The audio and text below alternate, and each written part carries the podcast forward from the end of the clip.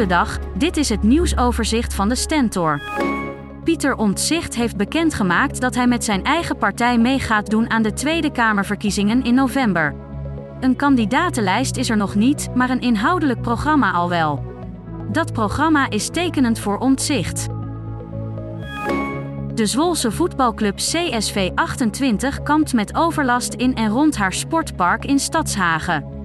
Om dit de kop in te drukken zijn er 14 camera's opgehangen.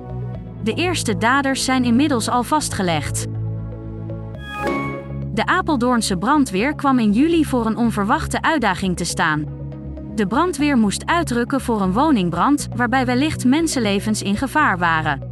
Er stond een kunststof paaltje in de weg dat omgezaagd moest worden voordat de brandweer verder kon rijden. Dat er tegenwoordig voor kunststof paaltjes wordt gekozen, heeft te maken met de veiligheid voor fietsers. Inmiddels is er een nieuw paaltje geplaatst. De beestenmarkt in Deventer is al jaren een hoofdpijndossier. Op het plein is overlast van drugsdealers, hardrijders en enorme stapels vuilnis. Nu komt er 1 miljoen euro beschikbaar om het plein flink aan te pakken.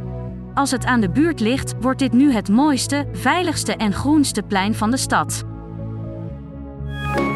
De drie gezinnen die vijf jaar geleden hun kinderen verloren bij het ongeluk met de stint in Os, hebben nog iets gemeen: ze hebben na het drama alle drie een zoontje gekregen.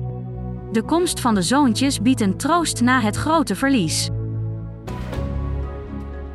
Tot zover het nieuwsoverzicht van de Stentor. Wil je meer weten? Ga dan naar de Stentor.nl.